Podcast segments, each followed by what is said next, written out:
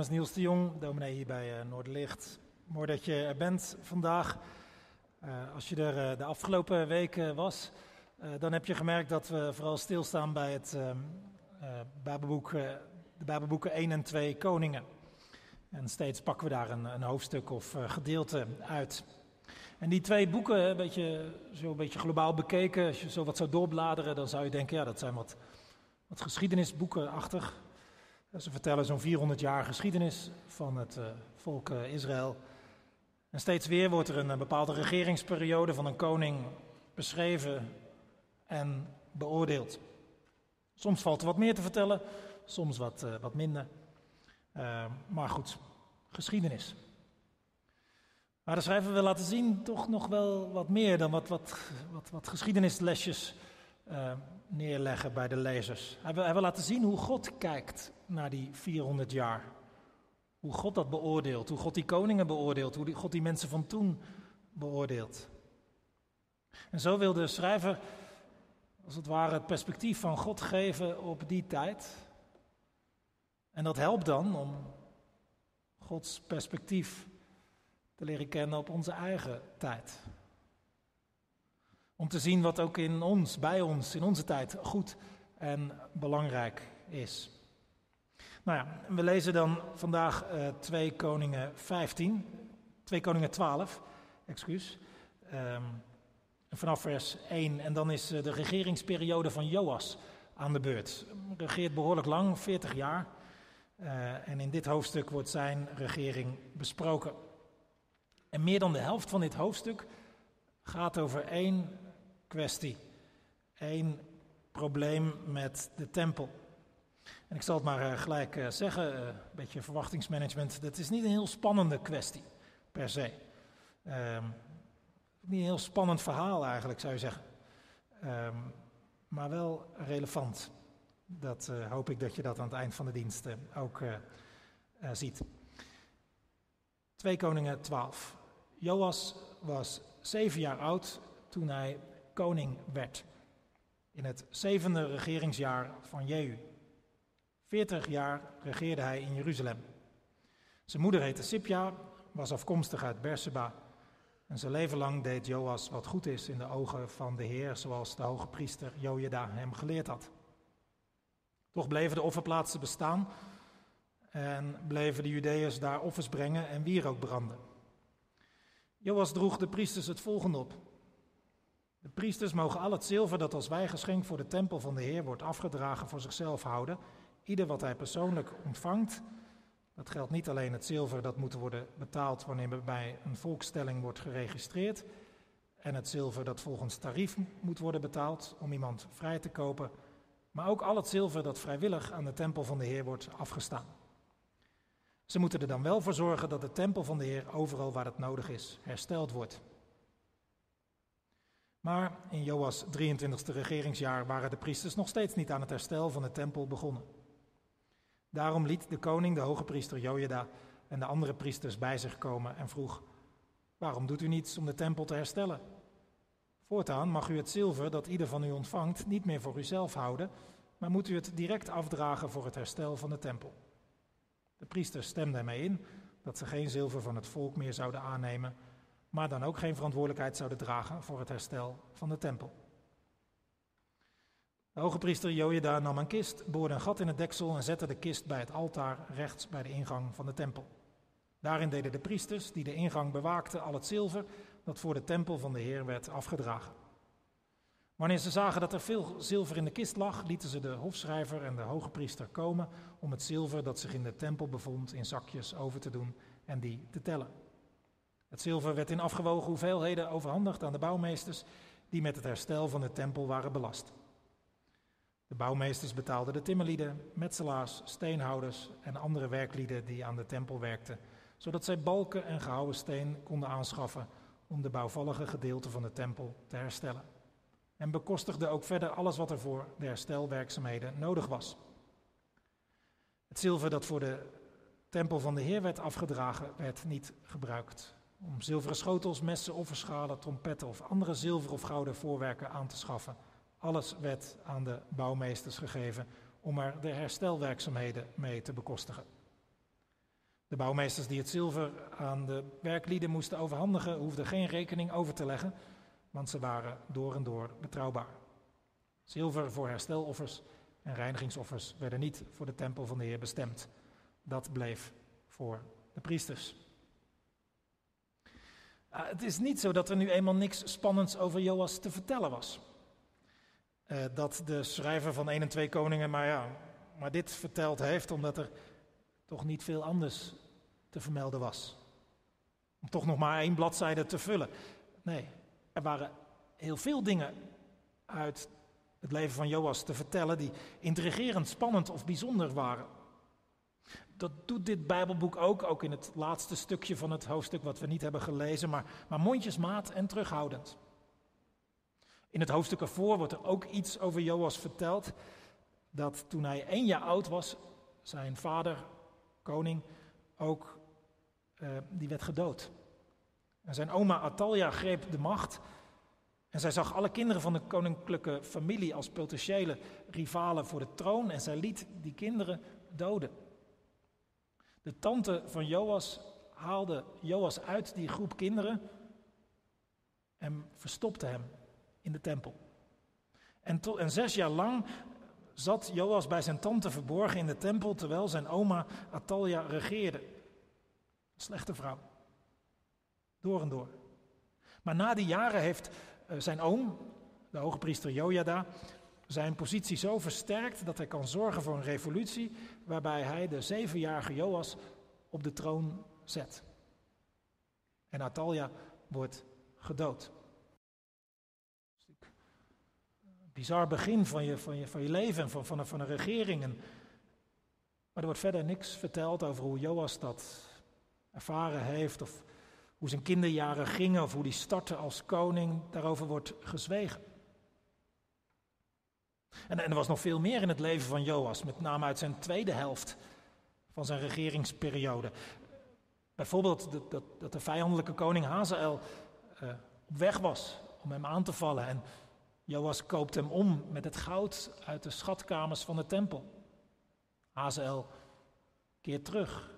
Maar op een nieuw jaar komt hij terug met een klein leger, maar toch weet hij Joas te verslaan en laat hem zwaar gewond achter en rooft van alles. Er zou te vertellen zijn dat het op een bepaald moment in het leven van Joas nou ja, slecht ging. Tot, tot Jojada zijn oom leefde, toen, toen ging het goed, maar daarna gleed hij af. Hij ging over tot een slecht bestuur. En in een ander Bijbelboek wordt verteld hoe allerlei profetieën richting Joas werden uitgesproken die hem moesten bewegen tot, tot inkeer. Maar dat veranderde niet. En een, een van die profeten was, was, was de zoon van zijn weldoener Jojada, zijn eigen neef. Maar dat vond Joas te kritisch. En hij liet hem ombrengen. En dat leidde uiteindelijk tot zijn eigen dood. Want het paleispersoneel vermoordde toen Joas. Om die moord op die zoon van Jojata te, te wreken. Blijkbaar had, had, Joas de, de, woede of zelfs haat van zijn naaste medewerkers opgeroepen en daardoor deze aanslag. Nou, nou, allemaal Netflix-materiaal zou je, zou je kunnen zeggen, dat, dat leven van Joas. Daar gebeuren dingen ongekend. En dan 2 Koningen 12. Samenvatting van Joas zijn leven. Sommige dingen van die, ik net vertelde worden niet eens genoemd, of, of even, even kort. Er wordt niet veel over uitgeweid. Het gaat in die samenvatting over die 40-jarige regeringsperiode van Joas vooral over wat Joas regelt in een bepaalde periode om wat restauratiewerkzaamheden aan de tempel te laten verrichten. Ja, dat, dat, dat, klinkt toch alsof de, de 13 jaar van het premierschap van Mark Rutte wordt samengevat in één bladzijde. Dat de MH17-ramp, de coronacrisis, de toeslagenaffaire, de vluchtelingencrisis in een paar zinnen wordt afgedaan. En dat er dan uitgebreid de ruimte wordt genomen voor wat hij in een bepaalde periode had gedaan om de financiën wat meer op orde te brengen. Dat, dat, dat, dat, dat zou dat we heel vreemd vinden, toch? Zo vreemd lijkt het wat de schrijver van Twee Koningen doet met deze samenvatting van Joas leven. En natuurlijk prima hoe Joas die tempelrestauratie regelt. Hij neemt het initiatief ervoor en als het niet werkt, grijpt hij in, regelt het anders en vervolgens wordt het herstel afgerond. Helemaal goed. Maar op het oog toch een betrekkelijk klein en praktisch probleem. Zeker gelet op zijn moeilijke start van zijn leven, eh, maar ook, gelet op zijn uitdagingen die hij had, zijn, prestaties, zijn mislukkingen, die fatale aanslag aan het einde. Toch vreemd dat dit zoveel tekst en uitleg krijgt. Nou, als iets vreemd lijkt in een Bijbelverhaal, dan zit daar vaak genoeg juist een belangrijke les. En dat is hier ook zo. Zeker als we, er, als we eruit gaan dat, dat het 1 en 2 koningen Gods perspectief probeert te geven op die 400 jaar geschiedenis. Gods perspectief op het leven van Joas probeert te geven. Dan zit er deze boodschap in. Als God dan dit blijkbaar wel het vermelde waard vindt, dan is dit voor God wel iets groots dan is dit blijkbaar wel iets wat ertoe doet voor God. En dat zegt dus dat God anders kijkt dan wij geneigd zijn te doen. Dat zegt ons dat, dat, dat, dat dingen die in vele ogen klein te noemen zijn, voor God zomaar iets groots kunnen zijn. Dat, dat zegt ons dat God niet alleen de Instagram-waardige dingen van ons leven opmerkt, en die onthoudt, of alleen de bijzondere prestaties. Ook niet alleen maar de, de dingen onthoudt waar, waar wij juist helemaal niet trots op zijn, waar we voor ons voor schamen of die in onze ogen mislukt zijn. Nee, God kijkt anders, heel anders. Hij heeft oog voor wat in jou en mijn leven goed is. Ook al valt het anderen niet op, is het niet spectaculair te noemen vindt het vooral achter de schermen plaats. God heeft daar oog voor. En wat, wat, wat hij dan het vermelden waard vindt, dat is dan zomaar wat anders dan mensen om ons heen of wij zelf goed en het vermelden waard vinden. Dat is een goede boodschap, toch? Hè? En voor ons, eh, misschien hoe, hoe, hoe jonger, hoe, hoe, meer je dat kunt hebben, dat, dat je de druk voelt om, om, om bijzondere en buitengewone dingen te laten zien. Want het bijzondere en buitengewone, dat moet dan laten lijken dat je iemand voorstelt. Maar voor God is dat dus niet zo. Uh, natuurlijk is hij geïnteresseerd in alles wat je, wat je, wat je doet en meemaakt, in, in wat je overkomen is en wat je zelf gedaan hebt in je verleden en je toekomst. Maar hij kijkt, onthoudt niet alleen de dingen die nu eenmaal wat opvallen. Hij, ziet wat goed is. Ook al ziet niemand die. De vraag is dan vervolgens, maar waarom is dit tempelherstel van Joas dan zo goed en belangrijk voor God?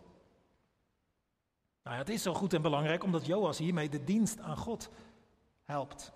En dat is een belangrijk criterium in de boeken 1 en 2 koningen. Voor een beoordeling van een koning wordt, wordt vaak gekeken, wat heeft die koning dan, dan gedaan voor de dienst aan God?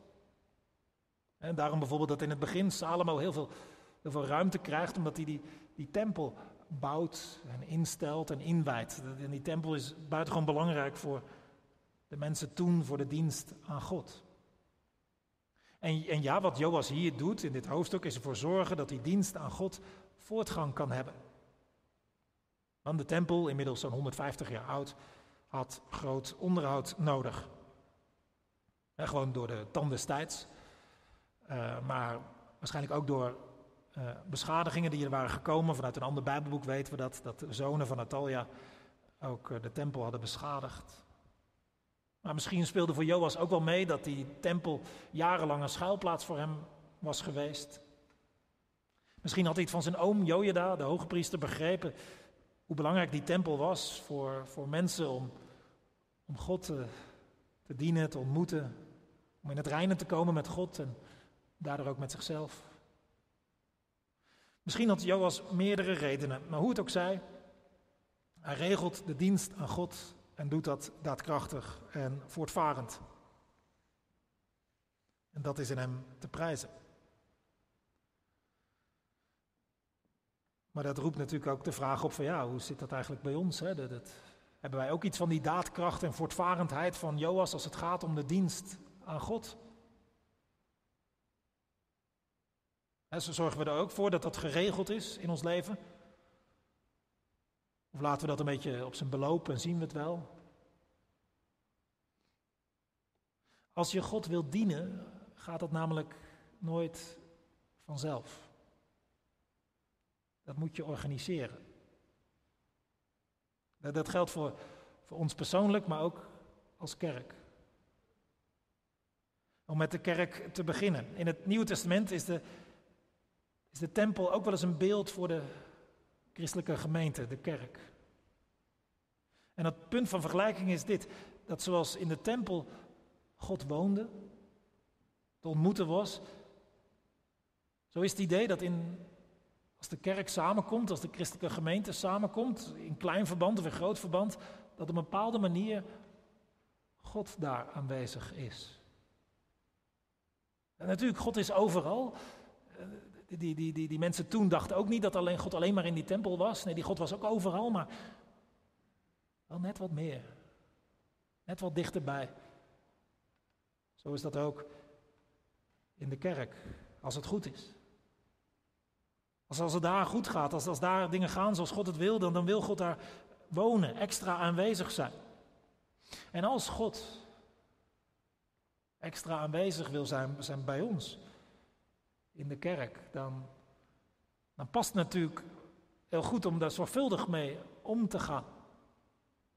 Om, dingen zorgvuldig te regelen, want ja, als God bij ons is, dan willen we toch voor zorgen dat het, dat het hier een beetje fatsoenlijk gaat en blijft gaan. En, en dan gaat het zowel om geestelijke zaken als om de materiële kant. Net als in de tempel gaat het in de kerk ook om geestelijke zaken. Om geloof, hoop en liefde. Om gebed en Bijbel en de Heilige Geest. Om de band met God en de band met elkaar.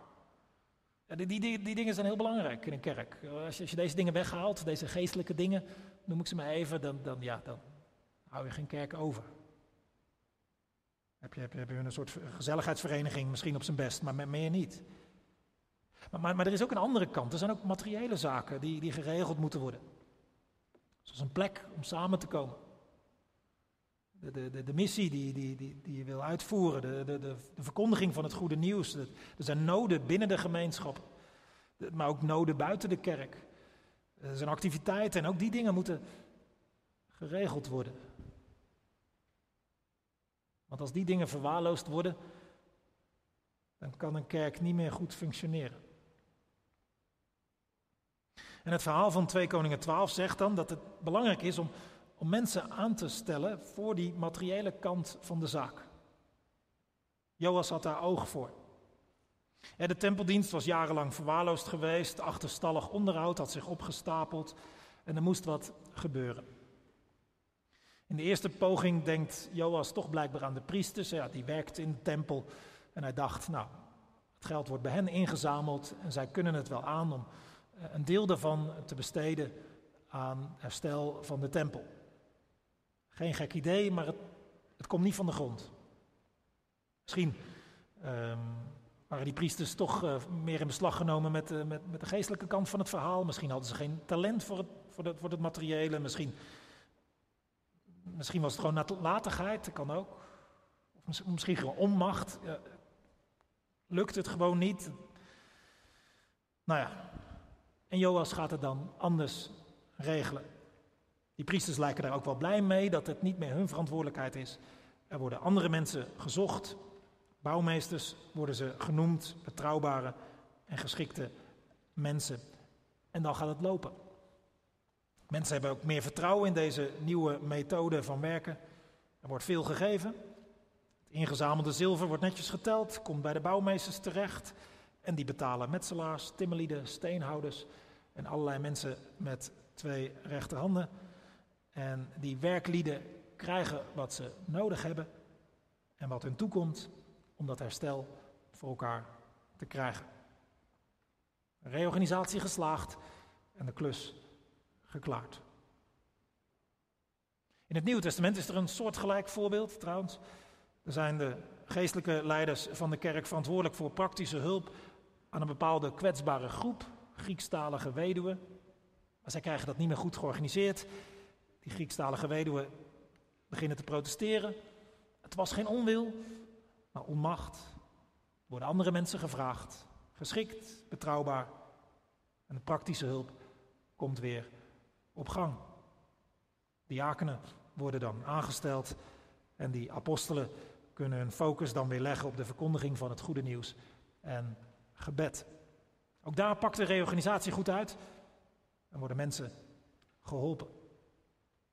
Nou, vandaag in ons midden worden ook een aantal mensen bevestigd, benoemd. En er zit, zit iemand bij die een, een heel geestelijke taak heeft, geestelijk verzorger in de verpleeghuizen van Laurens. Maar ook, ook mensen die meer zorg dragen voor de materiële kant, die zich inzetten voor het financiële beheer van de kerk. Kerkenrenmeesters noemen we dat. Er zitten mensen bij die zich inzetten voor uh, doelen en mensen in de stad die een bepaalde nood kennen. Diakenen. Sommigen krijgen wat meer gecombineerde taak van, van geestelijk en, en praktisch uh, leiding geven. Die zijn ouderling of ouderling kerkrenmeester. Nou, nou, zo is dat niet, eh, zo is dat geregeld. Het is niet allemaal per se heilig, maar zo hebben we dat geregeld. Omdat dingen nu eenmaal geregeld moeten worden. Wil je iets goed laten gaan?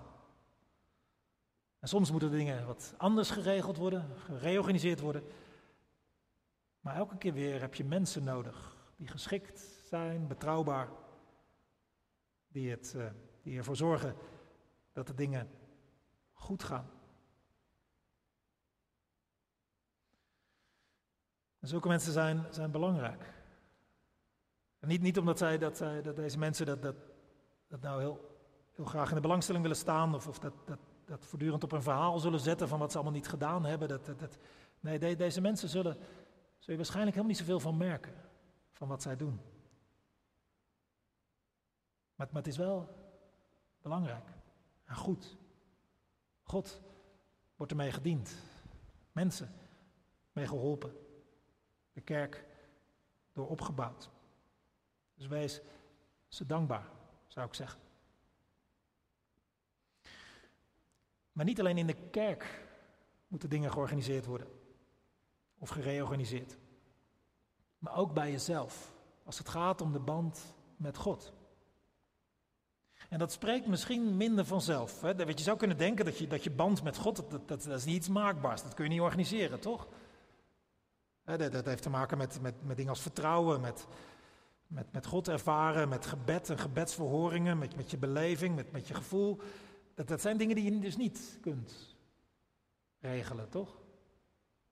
Nee, dat, dat, dat klopt. De band met God is niet maakbaar.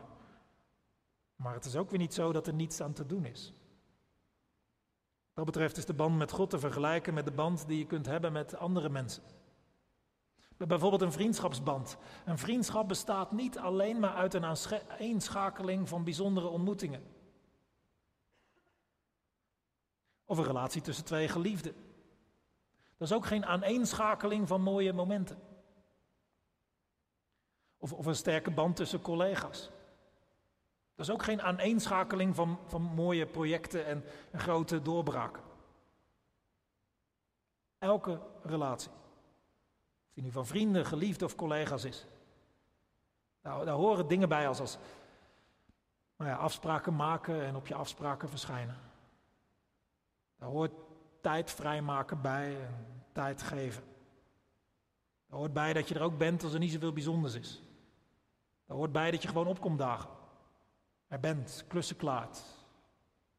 Lang niet allemaal even bijzonder, maar het hoort erbij. Want als je dat nalaat, dan gaat die band minder en minder worden. Zullen er minder en minder vaak bijzondere ontmoetingen zijn, of bijzondere momenten, of bijzondere projecten. Want je hebt nagelaten om dingen te regelen voor die band. En zo is het ook met God. Die band met God, daar moet je wat voor regelen. Dat heeft met tijd te maken. Tijd afbakenen. Een plek. Ritme. Routine soms. Afspraken. Keuzes. En zoals het tussen geliefden en vrienden of collega's soms begint met een bijzondere ontmoeting, een bijzonder moment, een bijzonder project. Er is een klik, je, je, je vindt elkaar en je blijft elkaar vasthouden, of dat wil je. Maar, dan komt het werk. Plannen, regelen, afspraken maken. En zo gaat het bij God vaak ook. Het begint voor veel mensen met, met een, met iets bijzonders. Een ontmoeting of een, een, ervaring of een gebedsverhoring of iets, iets dat je opeens, een, dat je opeens allemaal in elkaar valt in je hoofd. Dat je, dat je, dat je, dat je snapt, dat je het opeens ziet. Zo, zo, zo begint het vaak. als je de band met God wil houden, dan moet je het regelen, organiseren. Zo, zoals, waarschijnlijk ook allemaal hebben wij, hebben wij bepaalde vriendschappen verloren, hè, omdat we gewoonweg niet de moeite hebben gedaan om die vriendschap te onderhouden. Zo, zo zijn er ook allemaal mensen die, die God zijn kwijtgeraakt. Dat ze de moeite niet hadden genomen om daarvoor dingen te regelen. In het oude Israël was hier ook die tempel voor. Het vaste feesten, vaste plekken, vaste tijden van offers. Die mensen hielpen om de band met God te onderhouden. En het goede van Joas is dat hij zich daarvoor inzet, voor die tempel. Want ook al is je band met God goed, je hebt het nodig. Ritmes, gewoontes, plekken, tijden. En in de tijd van Joas was dat helemaal niet meer vanzelfsprekend geworden. En dat kan zo ook maar zijn bij ons. En bij Joas was een hectische tijd geweest. Veel mensen waren, hadden, God ook een beetje in de steek gelaten. Waar, was, was, die, was die slechte Atalia geweest met een slechte invloed. En, en had die tempel onder te lijden gehad. Die was beschadigd geraakt. En, en, en de mensen moesten dus de draad weer oppakken. En Joas helpt daarbij. En dat kan ook bij ons zijn, hè, dat je je moet herpakken. Want er is een crisis geweest. Of er kwam een verandering in je werk- of woonsituatie, of in je gezinssituatie, of, of, of, of, corona of een andere verandering heeft je ritmes verstoord. En, en als je dan nalaat om dingen te reorganiseren, ten aanzien van die band met God, dan, ja, dan kan het zomaar, zomaar wat weggeleiden. En dan moet je jezelf aanpakken. dat is mijn stelling van vandaag. De titel van deze preek. Als je God wil dienen, moet je dat organiseren. We hebben vooral nagedacht over dat belang van dat organiseren, maar tot slot nog kort over het eerste. Als je God wilt dienen. En niet iedere koning wilde dat. Niet iedere koning deed dat. En niet iedere koning hield dat vol zoals Joas. Maar de schrijver van de boeken 1 en 2 Koningen is ervan overtuigd dat als God losgelaten wordt, als als koning en volk van God los zijn, dat het dan uiteindelijk bergafwaarts gaat. Zijn grootste voorbeeld is Manasse, die doet de vreselijkste dingen op godsdienstig gebied. En dat heeft de vreselijkste dingen tot gevolg in de samenleving. Zonder God kom je er uiteindelijk niet tot je bestemming. Zo is de overtuiging van deze schrijver. En God, God, God lag het niet. God wilde bij de mensen zijn. Hè? Dat, dat, dat, aan het begin van 1 Koningen, dus dat uitgebreide verhaal over die tempel. Niet, niet dat God die tempel nodig had, maar hij wist dat mensen dat konden gebruiken. En daarmee was God die mensen enorm tegemoet gekomen. De God van overal liet zich lokaliseren. Die onbevattelijke God gaf zichzelf een adres waar je hem kon opzoeken. De God van hemel en aarde gaf een plek waar te ontmoeten was. God, die, die wil een band met ons mensen. Zo, zo is God. In die beschrijving van die 400 jaar geschiedenis eh, raken de mensen toch steeds verder bij God vandaan. Er zijn weer tijden dat het wat dichterbij komt. En dan... maar, de, maar, de, maar, de, lange lijn is dat God en mensen steeds verder uit elkaar lopen. Er zijn tijden van, van restauratie en herstel, zoals bij Joas. Als je het verhaal van 1 en 2 koningen volgt, dan wordt er in het ene laatste hoofdstuk wordt die tempel leeggeroofd. Alles van waarde wordt eruit gestript. In het laatste hoofdstuk 25 wordt de tempel in brand gestoken. Blijft er niets van over. Het begon in één koningen fantastisch. Een tempel zoals zo eentje was er nog nooit geweest. Zo groot en het kon niet op. Het eindigt met een verbrande tempel. Het is een trieste neergang. Alles bij elkaar. Het lijkt een hopeloos einde. Maar eeuwen later is daar opeens bijna uit het niets Jezus. En Jezus stelt zichzelf gelijk met de tempel een aantal keer. En hij claimt daarmee dat God in hem woont. Bij hem te vinden is. Dat je bij hem moet zijn om God te ontdekken, te ontmoeten. Dat, dat je via hem in het reinen kunt komen met God. Daardoor met jezelf. En het, het, lijkt bij hem ook een trieste neergang te zijn als die wordt gevangen genomen, bespot, berecht en veroordeeld. Als die volledig gestript aan het kruis hangt en sterft. Maar zijn verhaal stopt daar niet. Hij staat op uit de dood en is tot op de dag van vandaag, dat is de claim van het christelijk geloof, dat Hij degene is door wie je God op het spoor kunt komen. Dat Hij degene is bij wie je God kunt vinden. Hij is de toegang tot God. Wie je ook bent, waar je ook staat en wat er ook gebeurt en hoe het ook met je gaat. Die band wil God. Die band wil God weer. En met God kom je tot je bestemming, want je gaat doen wat goed en belangrijk is. Amen. We zingen nu een eh, soort lied, of we luisteren naar een lied dat een soort gebed is. Ook voor de mensen die vandaag bevestigd, benoemd of gezonden worden, maar ook voor ons allemaal, denk ik. Dat je dit zomaar kunt mee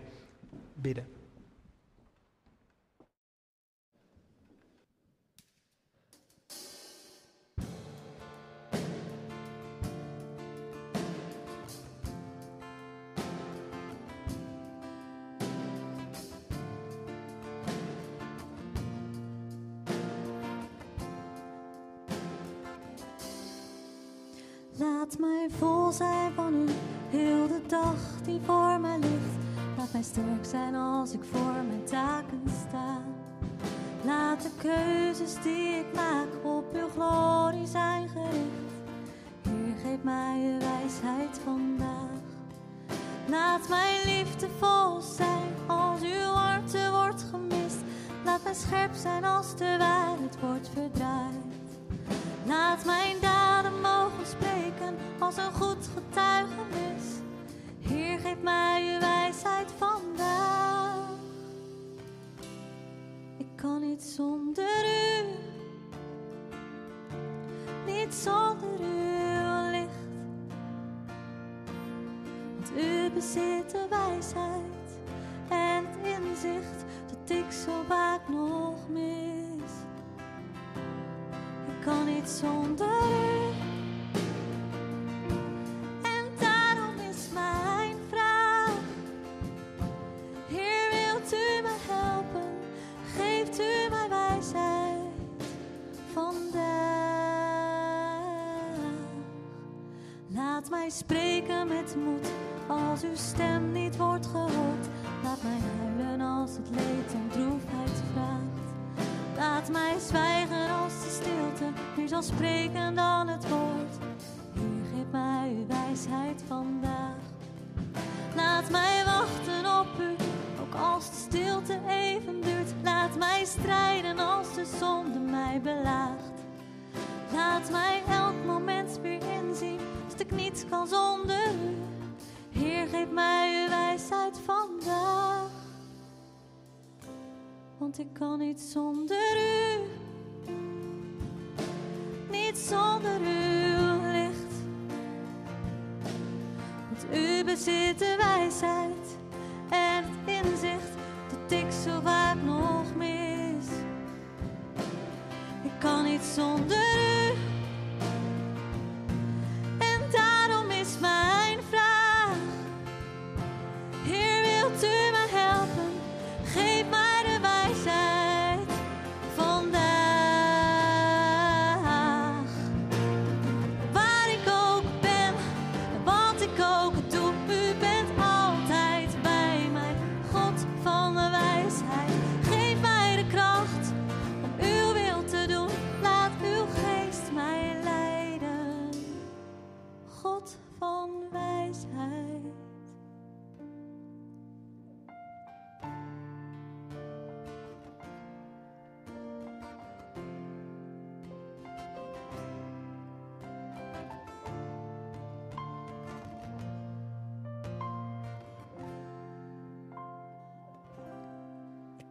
zonder u, niet zonder uw licht. Want u bezit de wijsheid en het inzicht dat ik zo vaak nog mis. Ik kan niet zonder u. En daarom is mijn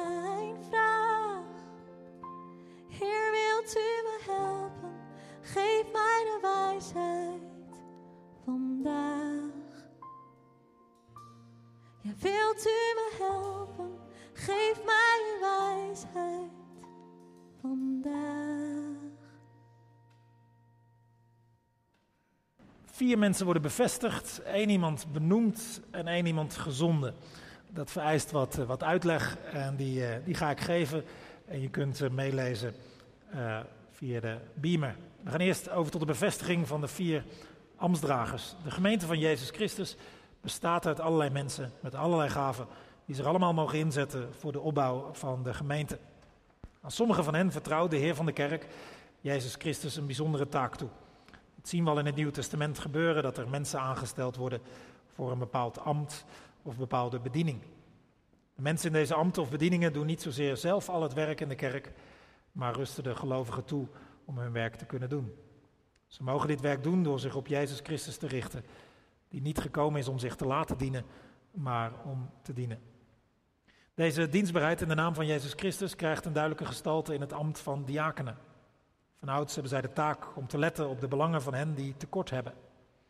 Ze zamelen de gaven van de gemeente in om allen die hulp nodig hebben, binnen of buiten de kerk, dichtbij of veraf, te laten delen in de liefde van Christus. Met hun daden en gebeden komen zij op voor het recht van de armen die om hulp roept en proberen ze te helpen of te laten helpen wie geen helper heeft. Ook zullen zij bevorderen dat armen en rijken elkaar ontmoeten, want allemaal zijn zij schepselen van dezelfde God. Steve Lok en Marijn Wout willen dit ambt van diaken op zich nemen. Ouderlingen hebben een wat andere taak. Ze zijn aangesteld om de gemeente te houden aan haar roeping en opdracht. Ze hebben de verantwoordelijkheid om de gemeente en elkaar bij het evangelie van Jezus Christus te bewaren. Belangeloos leiden de ouderlingen de gemeente en zoeken zij manieren om de gemeente te laten groeien in zowel de diepte als in de breedte.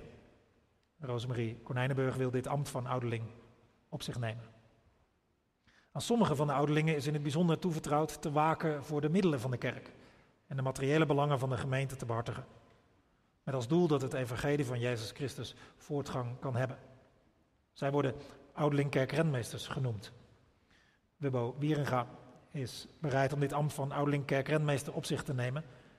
En in die hoedanigheid deel te nemen aan het college van kerkrentmeesters van de protestantse gemeente van Rotterdam Centrum.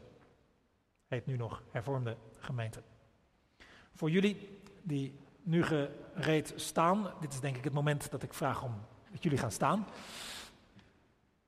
Voor jullie die nu gereed staan het ambtswerk te aanvaarden, herinner je altijd met dankbaarheid dat het Christus eigen gemeente is, die je wordt toevertrouwd.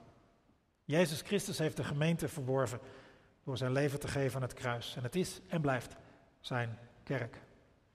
Aanvaard dan je dienst met blijdschap, bouw de gemeente op en voed jezelf steeds weer met de woorden van het geloof in de Bijbel. En bid in je zwakheid om de kracht van de Heilige Geest. En ik verzoek je om de volgende vragen uh, oprecht antwoord te geven. Als eerste ben je ervan overtuigd dat God zelf je door zijn gemeente tot deze dienst heeft geroepen. Aanvaard je de Bijbel als het woord van God en wil je jezelf door dat woord laten leiden. En beloof je trouw je ambt te bedienen met liefde voor de gemeente en voor alle mensen die God op je weg brengt. En als vierde beloof je in goed vertrouwen om te gaan met wat je vertrouwelijk ter oren komt. Mag ik uh, Marijn, Rosemarie en Wubbo vragen om even te gaan zitten? En Steve, wat is voor al deze mensen hier, maar bovenal voor God, jouw antwoord? Mag ik je vragen om neer te knielen voor God en bevestigd te worden en een zegen mee te krijgen?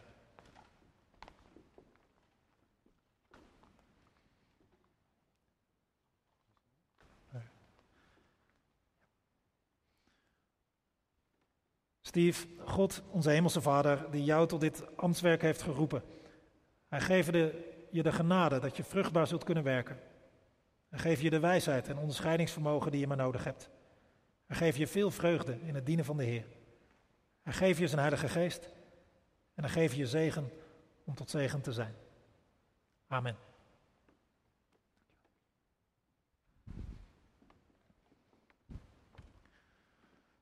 Marijn. Marijn, ook jij hebt de, vragen gehoord. En wat is voor al deze mensen hier, maar bovenal voor God, jouw antwoord? Mag ik je vragen om hier neer te knielen voor God?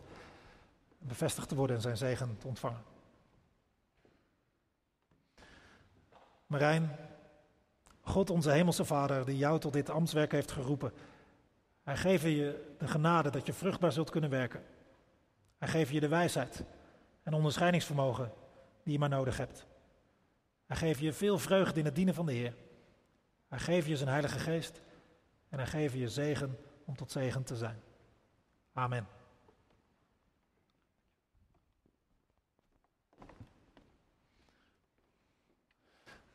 Rosemarie Konijnenburg, ook jij hebt de vragen gehoord. Wat is voor al deze mensen hier, maar bovenal voor God, jouw antwoord?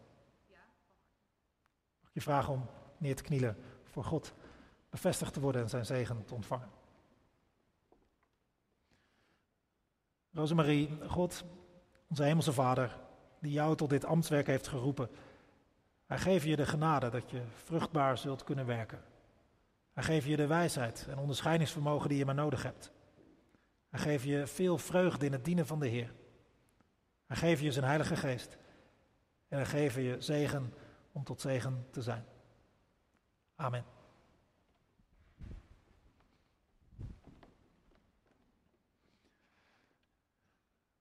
Bubbo, ook jij hebt de vier vragen gehoord. En wat is voor al deze mensen hier en bovenal voor God jouw antwoord? Dankjewel. Mag ik je vragen om neer te knielen, bevestigd te worden en zijn zegen te ontvangen? Bubbo, God onze hemelse Vader die jou tot dit ambtswerk heeft geroepen. Hij geeft je de genade dat je vruchtbaar zult kunnen werken. Hij geeft je de wijsheid en het onderscheidingsvermogen dat je maar nodig hebt. En dan geeft je veel vreugde in het dienen van de Heer. Hij geeft je zijn Heilige Geest en hij geeft je zegen om tot zegen te zijn. Amen.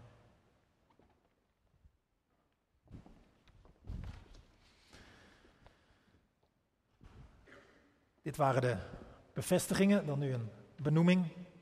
Ik lees daar een klein stukje tekst voor. In de kerk is het belangrijk dat er een goed en verstandig beheer is van de middelen en eigendommen van de kerk.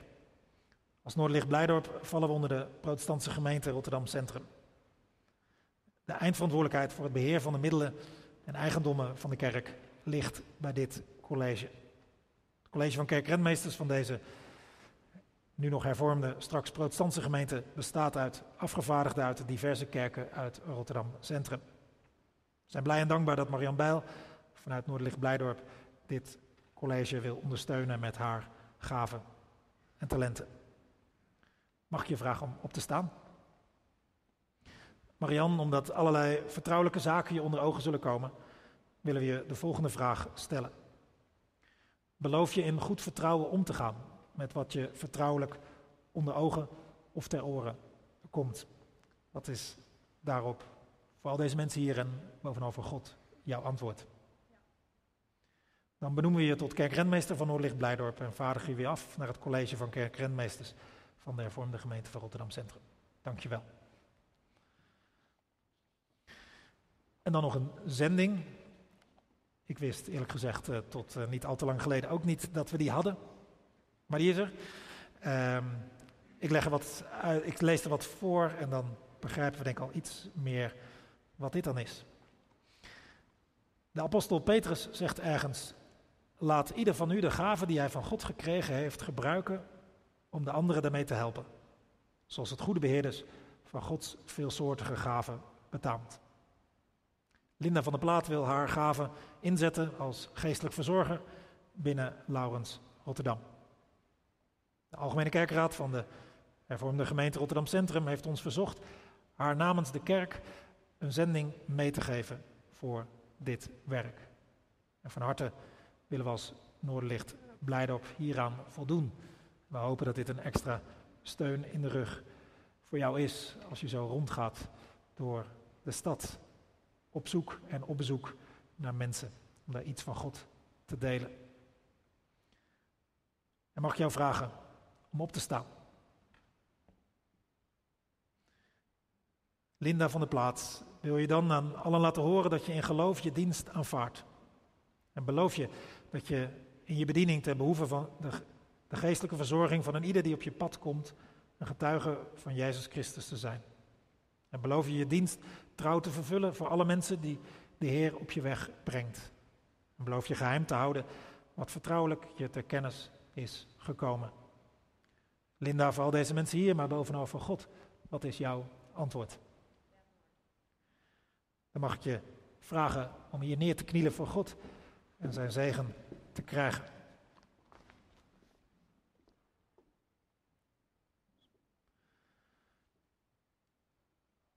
O God, gever van alle goede gaven, u maakt ons dienstbaar aan elkaar en aan de mensen in deze stad. Schenk Linda dan de kracht, inspiratie en de vrede van uw Heilige Geest, die nodig is voor de vervulling van haar bediening. Door Jezus Christus, onze Heer. Amen.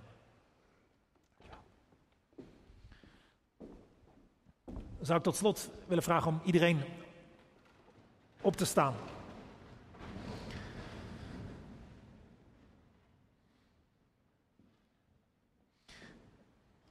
Gemeente van Jezus Christus. Nu deze mensen voorgesteld, bevestigd, benoemd of gezonden zijn, beloven jullie hen te omringen met jullie meeleven, hen te dragen in de gebeden en met hen mee te werken in de dienst aan onze Heer. Wat is hierop jullie antwoord? Dank jullie wel. Dan zullen we, mag je nu eh, gaan zitten.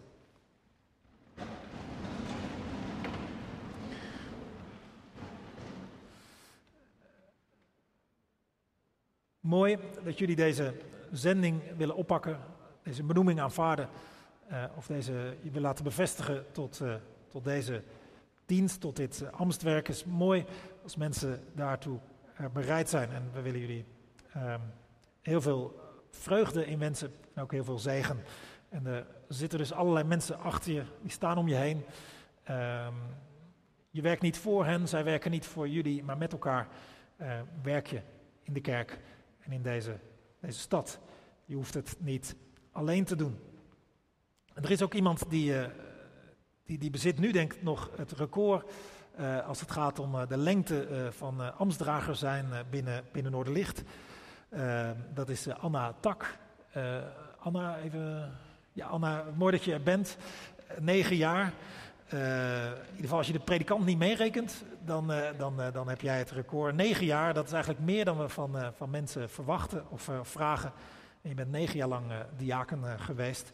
En daar willen we je enorm voor bedanken voor je enthousiasme, inzet, gebed, onvermoeibare lijntjes leggen. En, en daar willen we je heel erg voor bedanken.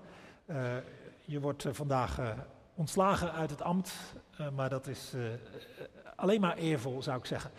Dus dank je wel. En er zijn bloemen voor jou, ook voor jullie zes, maar zeker ook voor jou als dank voor alles wat je gedaan hebt. Dan willen we nu ook God danken en bidden. Heere God, dank u wel dat u, dat u een God bent die ons het niet allemaal maar zelf laat uitzoeken maar dat u een God bent die sowieso dichtbij wil zijn, die, die een band met ons wil hebben. Dank u wel dat u zich daar niet te groot of te goed voor voelt. En dat u ook stappen zet, dat u ons tegemoet komt. Dat lezen we de hele Bijbel door. Bijvoorbeeld met, dat, met die tempel. Ook zo'n groot teken dat u onder de mensen wilt zijn. Benaderbaar. Dat u zelf, u, uzelf toegankelijk maakt. Dank u wel. Dat is zo niet vanzelfsprekend. En, en nog minder vanzelfsprekend is dat u in en door Jezus Christus nog dichterbij bent gekomen, nog meer hebt opgegeven, nog verder bent gegaan, nog dieper bent afgedaald. Dank u wel. Omdat u ons wilde bereiken, weer ophalen. Dank u wel dat u zo bent. En wij danken u dat u in de Bijbel allerlei richtingwijzers geeft, hoe we die band met u kunnen onderhouden, wat daar belangrijk in is. Voor ons individueel en ook als gezamenlijk als, als kerk. Dank u wel voor alles wat u daarin aandraagt. En we willen u bidden of u ons wil helpen om dat te vertalen naar ons eigen leven. Zodat we, zodat we merken hoe, hoe we die band met u goed kunnen, kunnen houden, kunnen onderhouden. Op een manier die, die, die, past, die, die misschien ook beproefd is of, of die, die nieuw voor ons is. Maar wilt u ons, ons helpen? Of of we nu nog maar net aan die band met u ervaren of, of, of dat we die al heel lang hebben. Wil u bidden dat, dat we die band weten te verstevigen. Ook als we nog zoekend zijn naar die band, of dat, of dat we die band met u helemaal niet zo zoeken, wilt u op de een of andere manier laten merken dat u open staat uh, voor ons. En dat, uh, dat uw hart naar ons uitgaat. We bidden nu ook voor ons als, als, als kerk, als Noordlicht Blijdorp. Uh, dank u wel dat er zoveel mensen zijn die, die iets doen. Zoveel mensen die op de achtergrond ja, zich, zich inzetten en willen dienen. Dank u wel daarvoor. Dank u wel ook voor mensen die zich willen laten afvaardigen naar bredere verbanden die misschien nog wat onzichtbaarder zijn, maar zeker niet onbelangrijk. Dank u wel daarvoor. En we bidden u voor de mensen die we hebben bevestigd, voor Steve en Marijn, dat we dat helpen in een diakenschap, zodat we als gemeente ook groeien om mensen te dienen die tekort hebben. We bidden u of u Rosemarie elke keer weer de creativiteit wil geven en de, de wijsheid om met mensen op te trekken, met groepen op te trekken en, en mensen te verbinden.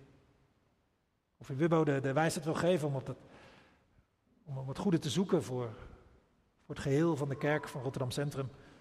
Voor de gebouwen, voor de middelen. Dat bidden we ook voor, voor Marian, als ze daarin ook wil bijdragen. Wilt u dat zegenen, dat hun pogingen mogen lukken. En als Linda zo haar weg zal gaan in, Rotterdam, uh, via Laurens, bij de mensen komt, dat met woorden of zonder woorden, dat mensen toch iets door heen van u mogen merken. En dat het voor hen is als een teken dat u naar hen omziet. Wees u zo met al die, die ouderen, alle mensen die eenzaam zijn, alle mensen die tekort hebben. De mensen die het moeilijk hebben, de mensen die het zwaar hebben. Mensen die het lastig hebben. De mensen die misschien een vreselijke stad hebben gehad, zoals Joas. Uh, de mensen die juist op latere leeftijd moeilijke dingen hebben meegemaakt. Ontfermt u zich over al die mensen in deze stad. En wij bidden nu ook als het gaat over ons land en de verkiezingen die er aankomen. Wilt u dat op een of andere manier leiden dat de goede mensen boven komen drijven. En wij bidden nu ook voor de dingen die het nieuws beheersen. Oekraïne, Rusland, of nog meer de Gazastrook en Israël. Um, wilt u daar vrede geven, recht, wijsheid, goed bestuur. En verstandige keuzes, goede keuzes. Zo komen we vandaag hier bij elkaar, maar ook met onszelf en met wat we ons, aan ons, bij ons meedragen. Aan dankbaarheid misschien, of juist aan zorg. In een moment van stilte willen we dat bij u brengen.